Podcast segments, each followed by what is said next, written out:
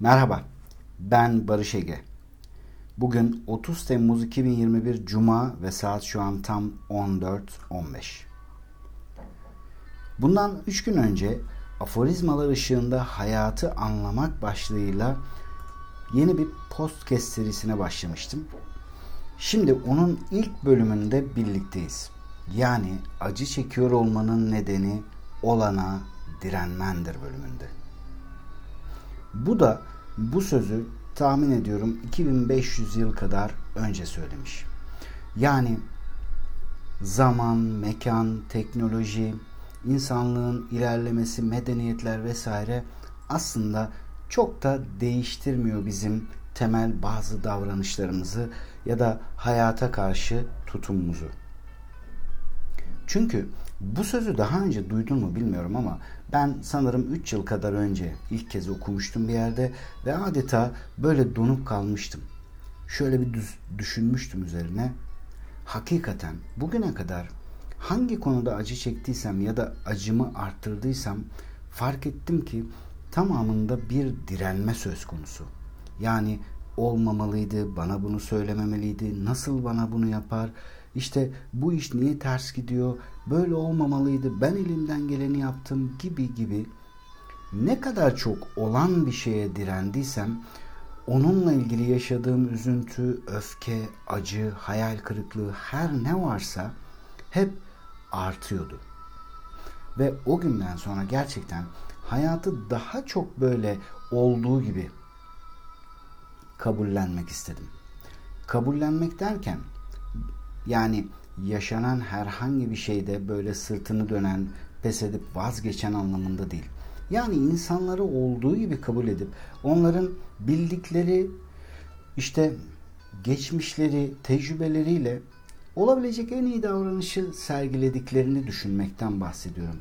Ya da bir girişimimde istediğim sonucu alamadığımda buna isyan etmek, neden olmadı, olmalıydı vesaire deyip olayı daha böyle derinleştirmek yerine aslında acaba ben nerede hata yaptım ya da neyi daha iyi yapsaydım böyle bir sonuç değil de istediğim sonucu alırdım demeye başladım ve hayat gerçekten çok daha kolaylaştı.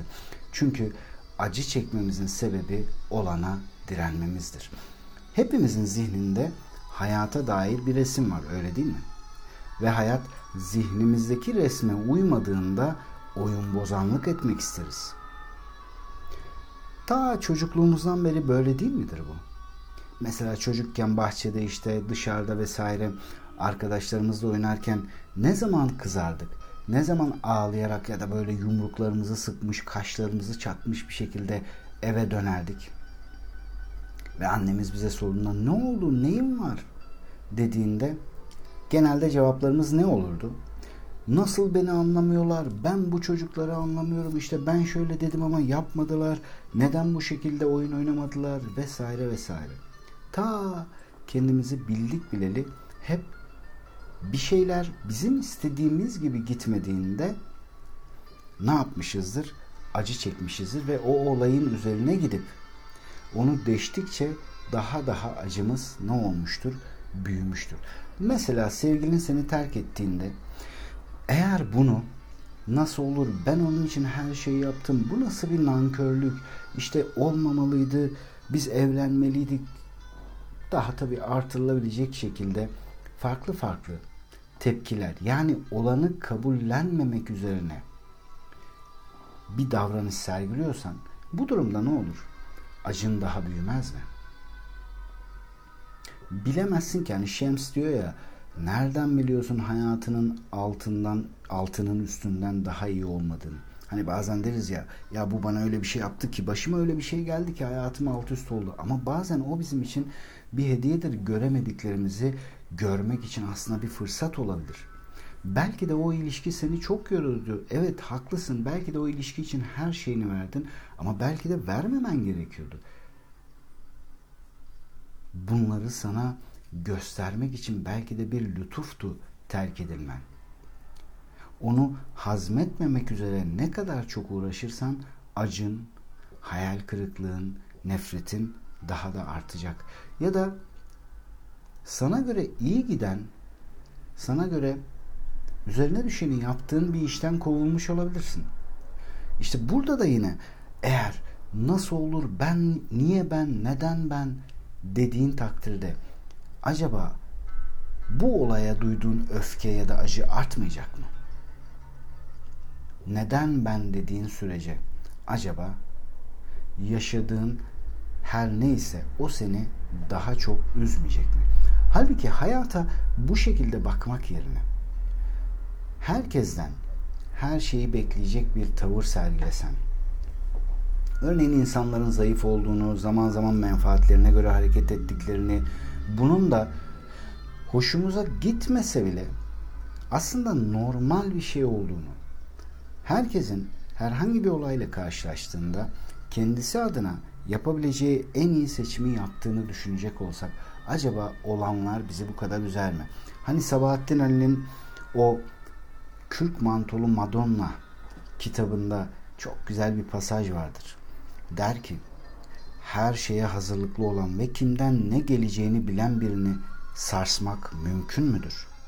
Hatta bunu söylerken kitabın baş kahramanı Raif Efendi'nin kayıtsızlığına şaşırır. Önce şaşkındır. Sonra onunla ilgili bazı gerçekleri öğrendiğinde bu cümleyi zikreder hani. Bu adam kimden ne geleceğini o kadar iyi biliyor ki o yüzden sarsılmıyor. Dolayısıyla Epiktetos'un bazı şeyler bize bağlıdır ama bazı şeyler bize bağlı değildir. Sözü de bunu biraz destekliyor sanki öyle değil mi? Yani bizim başımıza gelecek kimi şeyler bizden bağımsızdır. Birileri herhangi bir sebeple kendisiyle ilgili bir sebeple bizi işten çıkarabilir. Yaptığımız bir anlaşmayı bozabilir. Çok sevdiğimiz biri bize sırtını dönebilir. Bunlar bize bağlı değildir. Ama vereceğimiz tepki elbette bize bağlıdır öyle değil mi? Çünkü şu hayatta yüze, üzerinde yüzde yüz kontrol sahibi olduğumuz tek şey nedir? Aslında düşüncelerimizdir. Ve bu tarihten beri böyledir. Çok sevdiğim bir söz var. Mühendislik kuralları değişebilir ama fiziğin kuralları hep sabittir. Bak Roma imparatorlarının en başarılılarından ve bugüne kadar kitapları, e, eserleri elden ele dolaşmış olan gerçekten büyük bir bilge, stoacı filozof olarak da anılır hani Marcus Aurelius. Kendime Düşünceler adlı kitabında ne güzel söylüyor. Bugün tüm dertlerimden kurtuldum. Hatta her türlü belayı def ettim. Çünkü benim dışımda değil, içimde yani kendi düşüncelerimdeydiler. O kadar güzel, o kadar dolu bir ifadedir ki bu. Bizim bütün hayatımız düşüncelerimize değil midir? Ve acaba biz o düşünceleri bize zararlı olacak şekilde değil de faydalı olacak şekilde yönlendiriyor olsak hayatımız neye benzerdi? Belki de biraz esnek olmak lazım öyle değil mi? Yani mesela fırtınalar ne yapar? Böyle gövdesi kuru ağaçları çok kolay yıkar geçer değil mi? İkiye böler, üçe böler neyse işte ağacı kırar geçirir, kırar geçer. Ama bazı böyle esnek ağaçlar vardır hani. Onlar sağa yatar, sola yatar ama sonra tekrardan dimdik hale gelir. Yani fırtına onları birazcık sarsar ama ufaktan fakat ne yapamaz? Deviremez. İşte hayata karşı biraz esnek olduğumuzda sohbetin başında hani hepimizin zihninde hay- hayata dair bir resim vardır ve hayat zihnimizdeki res- resme pardon şöyle toparlayayım hayat zihnimizdeki resme uymadığında ne yaparız? Oyun bozanlık etmek isteriz. Demiştim ya sohbetin başında. İşte o zihnimizdeki resmi biraz daha esnek hale getirsek, sabit olmasa. Çünkü bütün sinirlenmeler, acılar, hayal kırıklıkları ondan kaynaklanmaz mı? Bize göre mesela bir iş yeri düşündüğümüzde deriz ki iş yeri şöyle olmalı. Masalar böyle kurulmalı, temiz olmalı, düzenli olmalı, ne bileyim işte şu kadar kişi çalışmalı. insanlar böyle varını yoğunu vermeli gibi gibi. Ama sonra istediğimiz gibi olmadığında ne yaparız? Burada bir tepki veririz. Ama gerçek şu ki tepkilerimizi her zaman seçebiliriz öyle değil mi? Yani Epiktetos diyor ya bazı şeyler bize bağlıdır ama bazıları bağlı değildir. Bize bağlı olan nedir? Yüzde yüz bize bağlı olan istediğimiz tepkiyi vermektir. Başımıza gelen her ne olursa olsun. Bazen zor da olsa doğru tepkiyi vermektir. Ama bize bağlı olmayan bazı şeylerin başımıza gelme şeklidir. Hani Stefan de Anna Tanrılar Okulu isimli muhteşem kitabına diyor ya suçu olaylara yükleme. Hiçbir olay ne iyi ne de kötüdür. Yalnızca bir fırsattır. Bir kişi olayları değil ama onları göğüsleme biçimini değiştirebilir.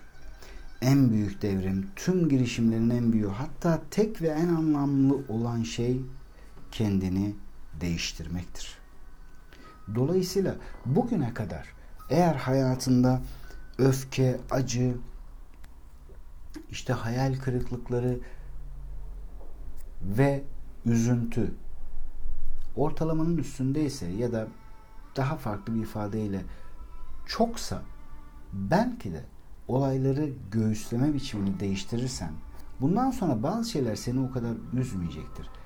Çünkü mutlaka denk gelmişsindir. Sen sevgilin tarafından terk edildiysen benzer bir şekilde bir arkadaşın da bir tanıdığın da daha önce veya senin aynı dönemde terk edilmiştir ama onun verdiği tepki farklıdır.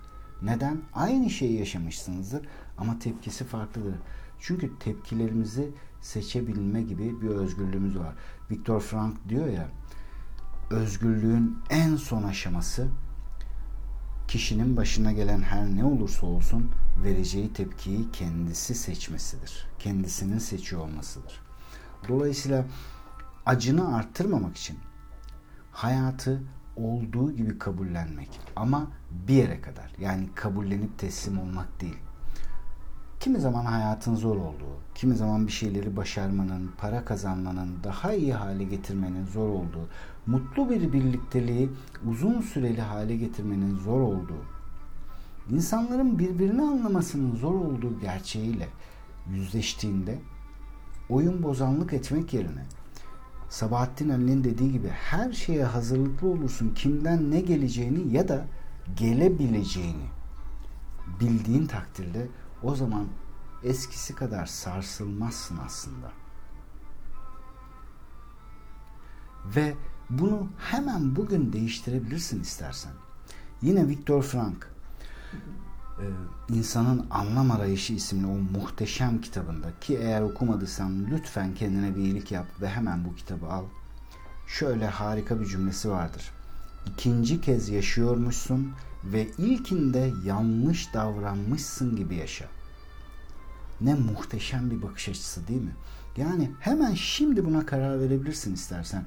Anthony Robbins der ki hayatımız karar anları karar anlarında şekillenir. İşte şu anda buna karar verip bugüne kadarki yaşantın sanki ilk hayatınmış ve bugünden itibaren sana yeni bir şans verilmiş gibi bakabilirsin. Sonuçta gayet de mantıklı bir şeydir. Hiç de insan aklına aykırı bir şey değildir. Çünkü biz hiçbirimiz ne zaman öleceğimizi bilmiyoruz. Böyle düşünmemiz de e, beynimizi böyle düşünmeye yönlendirmemiz de çok kolaydır. Çünkü bu sabah yatağımızda değil de mezarda uyanabilirdik değil mi? Ama bize bir gün daha verildiğine göre bugün yaklaşımımızı değiştirebiliriz. Sanki ikinci bir hayat verilmiş gibi ve bu hayatı farklı bir şekilde yaşamaya azmedebiliriz. Çünkü aynı şeyleri yapmaya devam edersek aynı şeyleri yaşayacağız öyle değil mi? Yine Viktor Frank mizah duygusu geliştirme ve olayları mizahi bir ışık altında görme çabası yaşama sanatında ustalaşırken öğrenilen bir hiledir der. İşte bu hileyi gerçekten yapabilenler acı çekmek yerine kabullenmek, üzülmek yerine mutlu olmak gibi bir lütufla karşılaşırlar. Çünkü mutluluk bir şeylere sahip olmak değildir. Görmezden gelme konusunda usta olmaktır. Seni asıl üzen, asıl acı çektiren görmezden gelmen gerektiği halde üzerine gittiğin şeylerdir. Sürekli odaklandığın şeydir. Bunu bana söylememeliydi, bunu bana yapmamalıydı, bana sırtını dönmemeliydi, bana bu yanlışı yapmamalıydı, bu bana söylenir mi, bu bana yapılır mı? İşte budur senin acını arttıran şey. Ve bundan sonra istersen yaşadığın olaylara tepkilerini değiştirebilirsin. Sadece bir karardan ibarettir. Hani Herman Hesse Sevgi isimli müthiş kitabında der ya biliyorsun biliyorsun yumuşak sertten güçlüdür. Su kayadan güçlüdür. Sevgi zorbalıktan güçlüdür. Gerçekten de öyle değil midir? Yumuşak sertten güçlüdür. Çünkü, çünkü yumuşak olan bir şeyi vurarak ya da ne bileyim ezerek, güç uygulayarak kolay kolay kıramazsın, koparamazsın. Ama sert olan bir şeyi birkaç darbede parçalara ayırabilirsin öyle değil mi? Yumuşaklıktan kasıt nedir burada? İşte esnek olmaktır. Sabit tepkilerden sıyrılmak ve vereceğin tepkileri seçmektir. Kaçtığın ya da gözünde büyüttüğün her şey sana olduğundan daha fazla acı verebilir.